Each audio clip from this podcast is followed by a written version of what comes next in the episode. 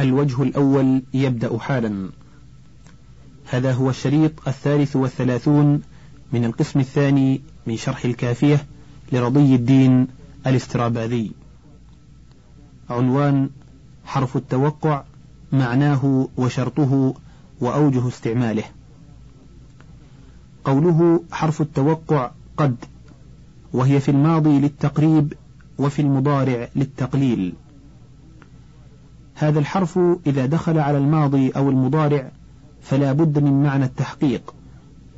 ثم إنه ينضاف في بعض المواضع إلى هذا المعنى في الماضي التقريب في الحال مع التوقع أن يكون مصدره متوقعا لمن تخاطبه واقعا عن قريب. كما تقول لمن يتوقع ركوب الأمير قد ركب أي حصل عن قريب ما كنت تتوقعه ومنه قول المؤذن قد قامت الصلاة. ففيه إذن ثلاثة معان مجتمعة التحقيق والتوقع والتقريب. وقد يكون مع التحقيق التقريب فقط ويجوز أن تقول قد ركب لمن لم يكن يتوقع ركوبه. ولا تدخل على الماضي غير المتصرف كنعم وبئس وعسى وليس لأنها ليست بمعنى الماضي حتى تقرب معناها من الحال. وتدخل أيضا على المضارع المجرد من ناصب وجازم وحرف تنفيس فينضاف إلى التحقيق في الأغلب التقليل. نحو إن الكذوب قد يصدق. أي بالحقيقة يصدر منه الصدق وإن كان قليلا. وقد تستعمل للتحقيق مجردا عن معنى التقليل. نحو قد نرى تقلب وجهك في السماء. وتستعمل أيضا للتكثير في موضع التمدح كما ذكرنا في ربما قال تعالى قد يعلم الله المعوقين وقال قد أترك القرن مصفرا أنامله كأن أثوابه مجت بفرصادي ولا تفصل عن الفعل إلا بالقسم نحو قد والله لقوا الله وقد لعمري قال كذا وقد يغني عن الفعل دليل فيحذف بعدها. قال أزف الترحل غير أن ركابنا لما تزل برحالنا وكأن قدي. عنوان حرف الاستفهام هل والهمزة والفرق بينهما. قوله حرف الاستفهام الهمزة وهل لهما صدر الكلام. تقول أزيد قائم وأقام زيد وكذا هل والهمزة أعم تصرفا. تقول أزيدا ضربت وأتضرب زيدا وهو أخوك وأزيد عندك وأثم إذا ما وقع وأفمن كان وأو من كان دون هل. قوله لهما صدر الكلام لما مر في باب إن. قوله أزيد قائم وأقام زيد وكذلك هل يعني تدخلان على على الجملة الاسمية والفعلية إلا أن الهمزة تدخل على كل اسمية سواء كان الخبر فيها اسما أو فعلا بخلاف هل فإنها لا تدخل على اسمية خبرها فعل نحو هل, زي هل زيد قام إلا على شذوذ. وذلك لأن أصلها أن تكون بمعنى قد. فقيل أهل قال أهل عرفت الدار بالغريين؟ وكثر استعمالها كذلك ثم حذفت الهمزة لكثرة استعمالها استغناء بها عنها وإقامة لها مقامها. وقد جاءت على الأصل نحو قوله تعالى هل أتى على الإنسان؟ أي قد أتى. فلما كان أصلها قد وهي من لوازم الأفعال ثم تطفلت على الهمزة فإن رأت فعلا في حيزها تذكرت عهودا بالحمى وحنت إلى الإلف المألوف وعانقته وإن لم تره في حيزها تسلت عنه ذاهلة. ومع وجود الفعل لا تقنع به مفسرا أيضا للفعل المقدر بعدها فلا يجوز اختيارا هل زيدا ضربته كما مر في المنصوب على شريطة التفسير. قوله والهمزة أعم يعني أنها تستعمل فيما لم تستعمل فيه هل. منها أنه لا يقال هل زيد خرج. لا على كون زيد مبتدأ ولا على كونه فاعلا لفعل مقدر.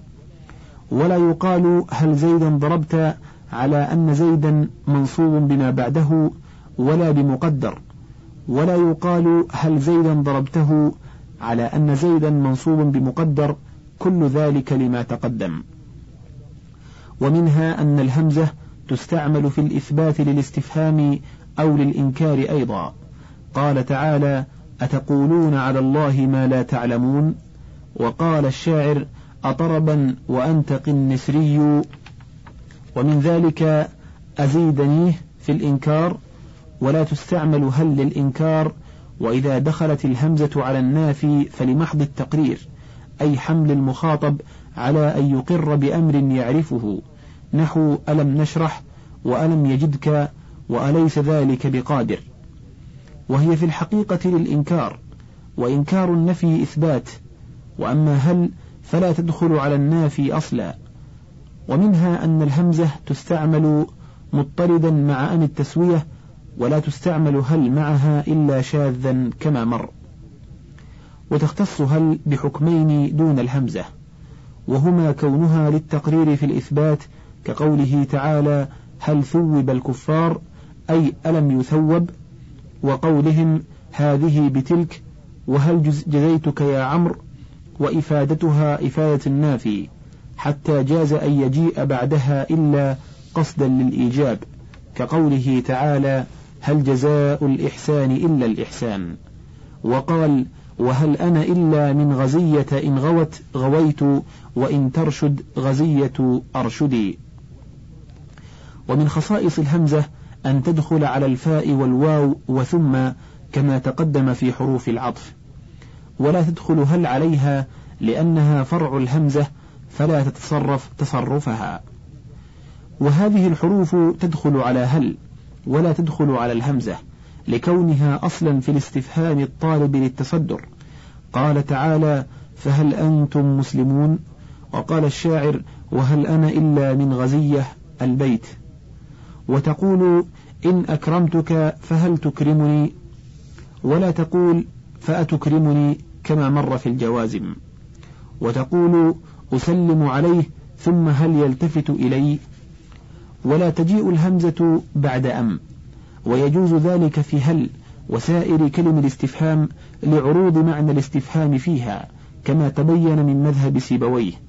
أعني حذف همزة الاستفهام قبل هذه الأسماء وعراقة الهمزة في الاستفهام فلا يجمع بين حرفي استفهام. قال أم هل كبير بكى لم يقض عبرته إثر الأحبة يوم البين مشكوم؟ وقال الله تعالى أمن يجيب المضطر إذا دعاه؟ وقال الشاعر أم كيف ينفع ما تعطي العلوق به رئمان أنف إذا ما ضن باللبن؟ وغير ذلك. وإذا جاءت أم بعد اسم استفهام فلا بد من إعادة ذلك الاسم بعد أم. نحو من يطعمني أم من يسقيني. وأين آكل أم أين أشرب؟ إذا قصدوا إشراك ما بعد أم فيه. فلا يجوز من يطعمني أم يسقيني. وإن لم يقصد إشراكه فيه نحو من يطعمني أم يسقيني زيد جاز. وإنما وجب إعادته مع الإشراك فيه لأن أم منقطعة إذ المتصلة لا بد لها من تقدم الهمزة وأم المنقطعة حرف استئناف وهي بمعنى بل وساذج الاستفهام الذي هو معنى الهمزة فلا تفيد معنى الأسماء الاستفهامية المتقدمة لأن معناها أشياء مقرونة بمعنى الاستفهام. فإذا قصدت معناها ولم يستفد من أم لا بالعطف لأن المنقطعة حرف استئناف كما ذكرنا ولا بالتضمين كما تضمنت معنى الهمزة لم يكن لك بد من التصريح بها بعد أم وأما هل فيجوز فيها ترك الإعادة؟ لأنها لساذج الاستفهام كالهمزة. ويجوز الإعادة تشبيها بأخواتها الاسمية في عدم العراقة وقد جمعها الشاعر في قوله هل ما علمت وما استودعت مكتوم أم حبلها إذ نأتك اليوم مصروم أم هل كبير بكى لم يقض عبرته إثر الأحبة يوم البين مشكوم وربما أبدلت هاء هل همزة ومن خواص الهمزة جواز ذكر المفرد بعدها اعتمادا على ما سبق من ذكر ما يتم به ذلك المفرد في كلام متكلم آخر. نحو قولك منكرا أو مستفهما أزيد أو أزيدا أو أبي زيد. جوابا لمن قال جاءني زيد أو رأيت زيدا أو مررت بزيد. ولا تقول هل زيد وهل زيدا وهل بزيد. عنوان حروف الشرط إن ولو والفرق بينهما. قوله حروف الشرط إن ولو وأما لها صدر الكلام فإن للاستقبال ولو للمضي ويلزمان الفعل لفظا أو تقديرا ومن ثم قيل لو أنك بالفتح لأنه فاعل وانطلقت بالفعل موضع منطلق ليكون كالعوض وإن كان جامدا جاز لتعذره. إنما كان لها صدر الكلام لما تقدم في باب إن. قوله فإن للاستقبال يعني سواء دخلت على المضارع أو الماضي وكذا لو للمضي على أيهما دخلت.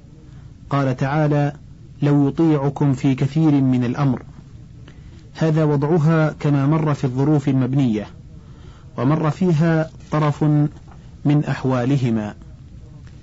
ومذهب الفراء أن لو تستعمل في المستقبل كإن وذلك مع قلته ثابت لا ينكر نحو اطلب العلم ولو بالصين.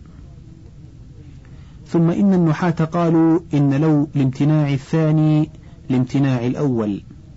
وقال المصنف بل هي لامتناع الأول لامتناع الثاني. قال وذلك لأن الأول سبب والثاني مسبب والمسبب قد يكون أعم من السبب كالإشراق والحاصل من النار والشمس. قال فالأولى أن يقال لانتفاء الأول لانتفاء الثاني لأن انتفاء السبب يدل على انتفاء كل سبب. وفيما قال النظر لأن الشرط عندهم ملزوم والجزاء لازم سواء كان الشرط سببا كما في قولك لو كانت الشمس طالعة لكان النهار موجودا أو شرطا كما في قولك لو كان لي مال لحججت أو لا شرطا ولا سببا كقولك لو كان زيد أبي لكنت ابنه ولو كان النهار موجودا لكانت الشمس طالعة.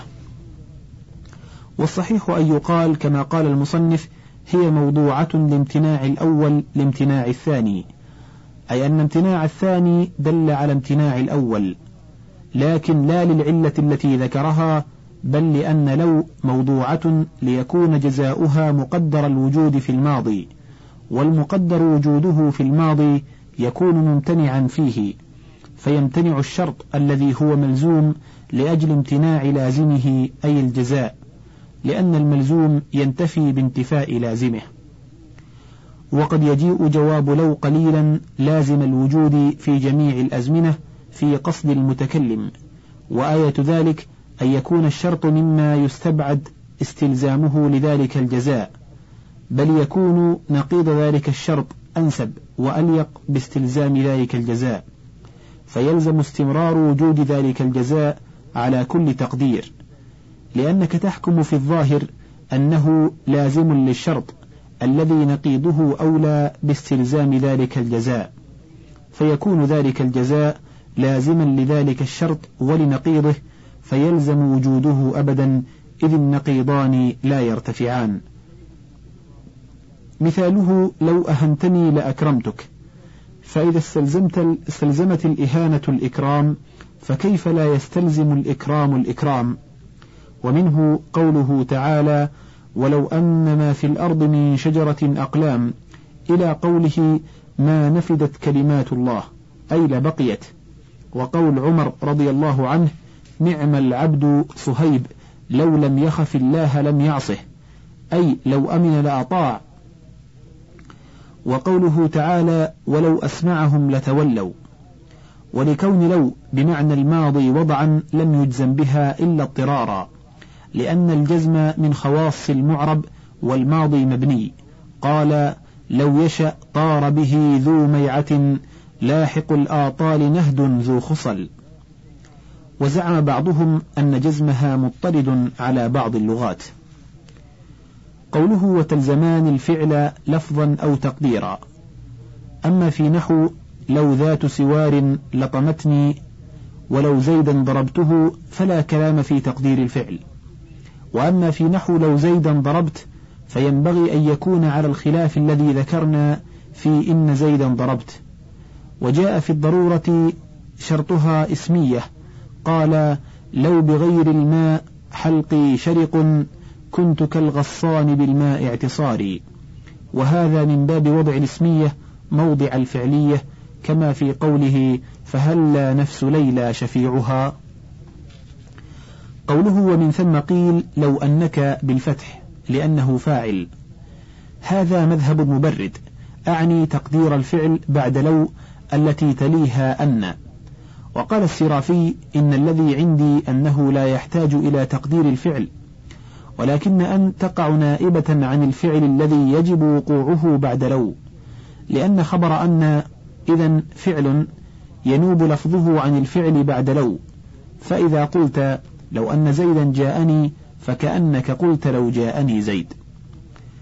قوله انطلقت موضع منطلق يعني أن أن إذا وقعت بعد لو المحذوف شرطها فخبرها إن كان مشتقا وجب أن يكون فعلا. لأن الفعل المقدر لا بد له من مفسر وأن لكونها دالة على معنى التحقيق والثبوت تدل على معنى ثبت. فلزم أن يكون خبر أن فعلا ماضيا لا اسم فاعل ليكون كالعوض من لفظ الفعل المفسر. وأما المعنى فقد ذكرنا أن أن دلت عليه. وإن لم يكن مشتقا جاز للتعذر كقوله تعالى ولو أن ما في الأرض من شجرة أقلام وأما قوله تعالى يودوا لو أنهم بادون في الأعراب فلأن لو بمعنى أن المصدرية وليست بشرطية. لمجيئها بعد فعل دال على التمني. ومنهم من لا يشترط مجيء الفعل في خبر أن الواقعة بعد لو وإن كان مشتقا أيضا كما ذهب إليه ابن مالك. قال الأسود ابن يعفر هما خبآني كل يوم غنيمة وأهلكتهم لو أن ذلك نافع. وقال كعب أكرم بها خلة لو أنها صدقت موعودها أو لو أن النصح مقبول. ومع هذا فلا شك أن استعمال الفعل في حيز خبر أن الواقعة بعد لو أكثر وإن لم يكن لازما. وإذا حصل الفعل فالأكثر كونه ماضيا لكونه كالعوض من شرط لو الذي هو الماضي. وقد جاء مضارعا قال تمد بالأعناق أو تلويها وتشتكي لو أننا نشكيها وجواب لو إما فعل مجزوم بلم نحو لو ضربتني لم أضربك أو ماض في أوله لام مفتوحة وتحذف هذه اللام قليلا. وإن وقعت لو مع ما في حيزها صلة فحذف اللام كثير نحو جاءني الذي لو ضربته شكرني. وذلك للطول. وكذا إذا طال الشرط بذيوله كقوله تعالى ولو أن ما في الأرض من شجرة أقلام إلى قوله ما نفدت.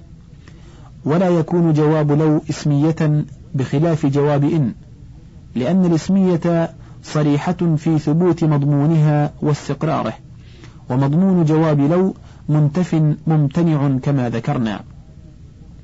وأما قوله تعالى ولو أنهم آمنوا واتقوا لمثوبة من عند الله خير فلتقدير القسم قبل لو وكون الاسمية جواب القسم لا جواب لو كما في قوله تعالى وإن أطعتموهم إنكم لمشركون وقوله تعالى كلا لو تعلمون علم اليقين لترون الجحيم وجواب القسم ساد مسد جواب لو وذهب جار الله إلى أن الاسمية في الآية جواب لو قال وإنما جعل جوابها اسمية للدلالة على استقرار مضمون الجزاء.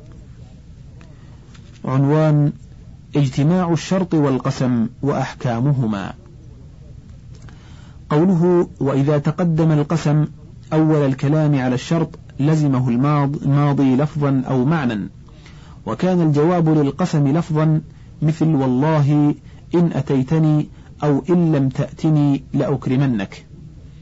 وإن توسط بتقدم الشرط أو غيره جاز أن يعتبر وأن يلغى كقولك أنا والله إن تأتني آتك وإن أتيتني لآتينك وإن أتيتني فوالله لآتينك. وتقدير القسم كاللفظ به مثل لئن أخرجوا أو وإن أطعتموهم.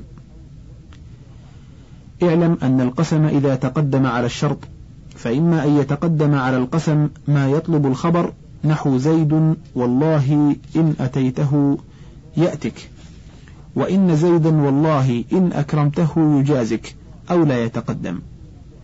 والأول قد يجيء الكلام عليه في قوله وإن توسط يتقدم يتقدم الشرط وكلامه الآن فيما لم يتقدم عليه طالب خبر بدليل قوله أول الكلام. فنقول إذا تقدم القسم أول الكلام ظاهرا أو مقدرا وبعده كلمة الشرط سواء كانت إن أو لو أو لولا أو أسماء الشرط فالأكثر والأولى اعتبار القسم دون الشرط. فيجعل الجواب للقسم ويستغنى عن جواب الشرط لقيام جواب القسم مقامه. أما في إن فكقوله تعالى لئن أخرجوا لا يخرجون معهم. ولئن قوتلوا لا ينصرونهم الآية. وأما في لو فكقوله تعالى ولو أنهم آمنوا واتقوا لمثوبة من عند الله خير وقوله تعالى لو تعلمون علم اليقين لترون الجحيم وتقول والله أن لو جئتني لجئتك واللام جواب القسم لا جواب لو. ولو كانت جواب لو لجاز حذفها. ولا يجوز في مثله. وكذا تقول والله لو جئتني ما جئتك ولا تقول لما جئتك ولو كان الجواب للو لجاز ذلك. وأن التي بين لو والقسم عند سيبويه موطئة كاللام قبل إن وقبل أسماء الشرط وعند غيره زائدة. وأما في لولا فتقول والله لولا زيد لضربتك. قال والله لولا شيخنا عباد لكمرون اليوم أو لكادوا واللام جواب القسم لا جواب لولا ولذا لم يجز حذفها. وأما في أسماء الشرط فكقوله تعالى وإذ أخذ الله ميثاق النبيين لما آتيتكم من كتاب وحكمة إلى قوله لتؤمنن به. وقوله لمن تبعك منهم لأملأن جهنم. ويجوز قليلا في الشعر اعتبار الشرط وإلغاء القسم مع تصدره كقول الأعشى لئن منيت بنا عن غب معركة لا تلفنا عن دماء القوم ننتفل وقال لئن كان ما حدثته اليوم صادقا أصم في نهار القيض للشمس باديا. وقال حلفت له إن تدلج الليل لا يزل أمامك بيت من بيوت يسائر. وأما لو عكس الأمر يعني تقدم الشرط على القسم فالواجب اعتبار الشرط. ولك بعد ذلك إلغاء القسم نحو إن جئتني والله أكرمك. واعتباره مع اعتبار الشرط نحو إن جئتني فوالله لأكرمنك. وتعليل هذه الأحكام مبني على مقدمة وهي أن أداتي القسم والشرط أصلهما التصدر كالاستفهام لتأثيرهما في الكلام معنى ثم إن كل منهما لكثرة استعمالهم له وبعدهما عما يؤثران فيه أي جوابهما قد يسقط عن درجة تصدره على جوابه فيلغى باعتباره. أي لا يكون في الجوابين على متاهما أما الشرط فنحو آتيك إن تأتني وأما القسم فنحو زيد والله قائم وزيد قائم والله فيضعف أمرهما فلا يكون لهما جواب لفظا. وأما من حيث المعنى فالذي يتقدم على الشرط جوابه وكذا ما يتقدم على القسم أو يتخلله القسم. لكن القسم أكثر إلغاء من الشرط لأنه أكثر دورانا في الكلام حتى رفع الله المؤاخذة به بلا نية لتمرن ألسنتهم عليه وسماه لغوا فقال تعالى لا يؤاخذكم الله باللغو في أيمانكم. وأيضا تأثيره في الأصل في معنى الجواب أقل من تأثير الشرط في جوابه لأن القسم مؤكد, مؤكد للمعنى الثابت فيه فهو كالزائد الذي يتم معنى الكلام بدونه والشرط مورد في جوابه معنى لم يكن فيه وهو التوقيف فكانت أداة القسم أليق بالإلغاء عن جوابه من أداة الشرط فلهذا قد يلغى القسم عن الجواب مع إمكان أن لا يلغى بخلاف الشرط. تقول أنا والله أكرمك بالإلغاء وقد أمكنك أن تعتبره فتقول لأكرمنك ولا تقول أنا إن لقيتني أكرمك بالرفع على أن أكرمك خبر المبتدأ وأداة الشرط ملغاه بل تقول أكرمك باعتبار الشرط. والجملة الشرطية خبر المبتدأ ولهذا حمل قوله إنك إن يسرع أخوك تسرع على التقديم والتأخير لضرورة الشعر. فإذا تقررت هذه المقدمة قلنا إذا تقدم القسم على كلمات الشرط فاعتبار القسم أولى لتقوي القسم بالتصدر الذي هو أصله وضعف الشرط بالتوسط. ولا استدلال للكوفيين على أن إعمال الأول في باب التنازع أولى لأن الأول وإن كان بعد من الثاني إلا أن هذا البعيد تقوى بالتصدر الذي هو حقه وأصله. والقريب ضعيف بالتوسط الذي هو خلاف وضعه وأصله. وجاز قليلا بالنظر إلى ضعف القسم في نفسه كما ذكرنا أن يرجح الشرط فيعتبر لأجل كونه أقرب إلى الجواب. ويلغى القسم كما مر في قوله لئن منيت بنا عن غب معركة البيت وإذا تقدم الشرط على القسم وجب اعتباره لتقويه بالتصدر مع كونه في الأصل أقوى من القسم ويجوز لك بعد هذا اعتبار القسم لإمكانه نحو إن أتيتني فوالله لآتينك فالقسم وجوابه جواب الشرط. ويجوز إلغاء القسم لتوسطه كما ذكرنا أنه قد يلغى لضعفه مع إمكان اعتباره فتقول إن أتيتني والله آتك. فآتك جواب الشرط والشرط وجوابه دال على جواب القسم وساد مسده. وأما إذا تقدم لو ولولا على القسم فالواجب إلغاء القسم لأن جوابهما لا يكون إلا جملة فعلية خبرية ولا يصح أن يكون جملة قسمية. تقول لو جئتني والله لأكرمنك ولولا زيد والله لضربتك. قوله وإن توسط أي القسم. قوله بتقدم الشرط قد ذكرناه. قوله أو غيره يعني طالب الخبر كالمبتدأ بلا ناسخ أو مع الناسخ. جاز أن يعتبر القسم وأن يلغى سواء تقدم على الشرط أو تأخر عنه. فإن تقدم مع الإلغاء فنحو أنا والله إن أتيتني آتك ألغيت القسم مع تقدمه على الشرط. وجواز اعتباره لتقدم المبتدأ عليه فالجملة الشرطية مع الجواب خبر المبتدأ والقسم لغو كما في زيد والله يقوم.